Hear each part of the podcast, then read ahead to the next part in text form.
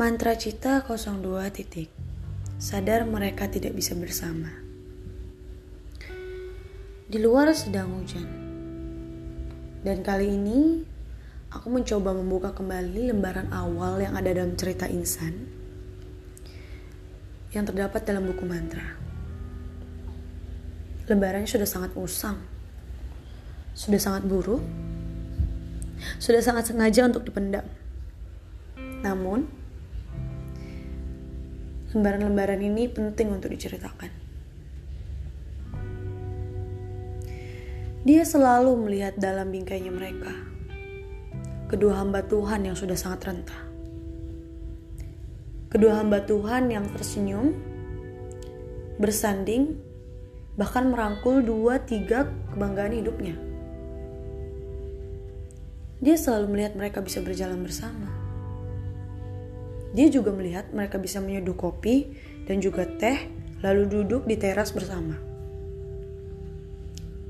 Sebagian dari mereka ada yang terbuai di pangkuannya sang puan.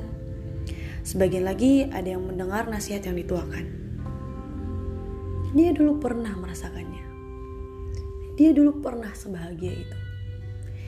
Dia dulu pernah ada di momen itu. Namun semuanya itu hanya bertahan sewindu. Sadis bukan?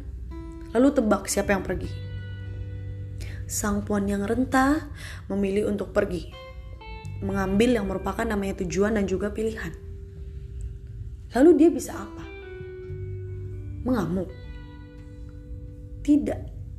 Dia malah mengerti bahwa sang puan yang rentah mungkin mencari makna kebahagiaan yang tidak bisa ia dapatkan ketika mereka bersama. Dia sudah coba menangis dia sudah coba berteriak. Sudah coba semuanya. Dia meronta, siapa yang mencuci baju, siapa yang masak untukku, siapa yang mengepang rambutku, siapa yang bisa membeli rok yang pas untukku, dan siapa yang bisa mengajariku tentang menjadi perempuan sesungguhnya. Dia harus belajar sendiri. Dia diharuskan merasakannya sendiri. Dia diharuskan berjalan sendiri.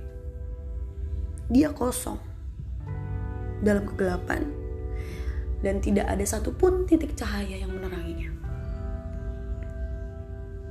Setelah lama dia berjalan, dia baru melihat dan dia baru menyadari bahwa ternyata dia tidak sendiri.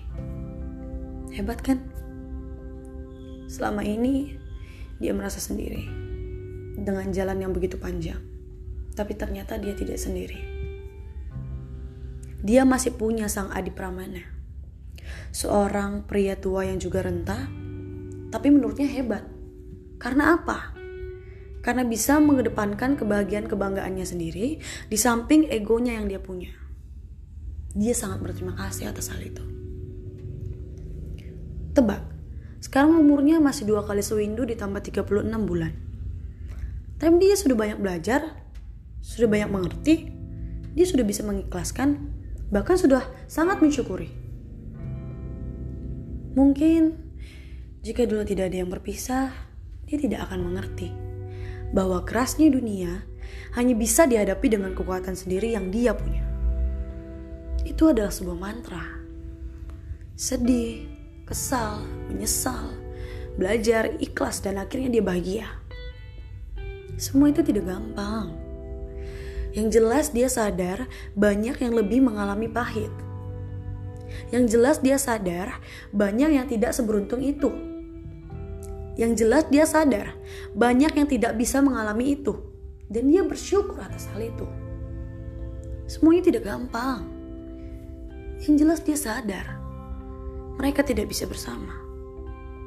Dan dia sadar sang puan dengan sang adik pramana tidak akan pernah bisa bersama. Namun hidup harus terus berjalan. Dia sadar mereka tidak bisa bersama. Dan dia sudah bahagia, ikhlas, dan juga mensyukuri. Karena dia sadar mereka tidak bisa bersama. Salam hangat, mantra cita.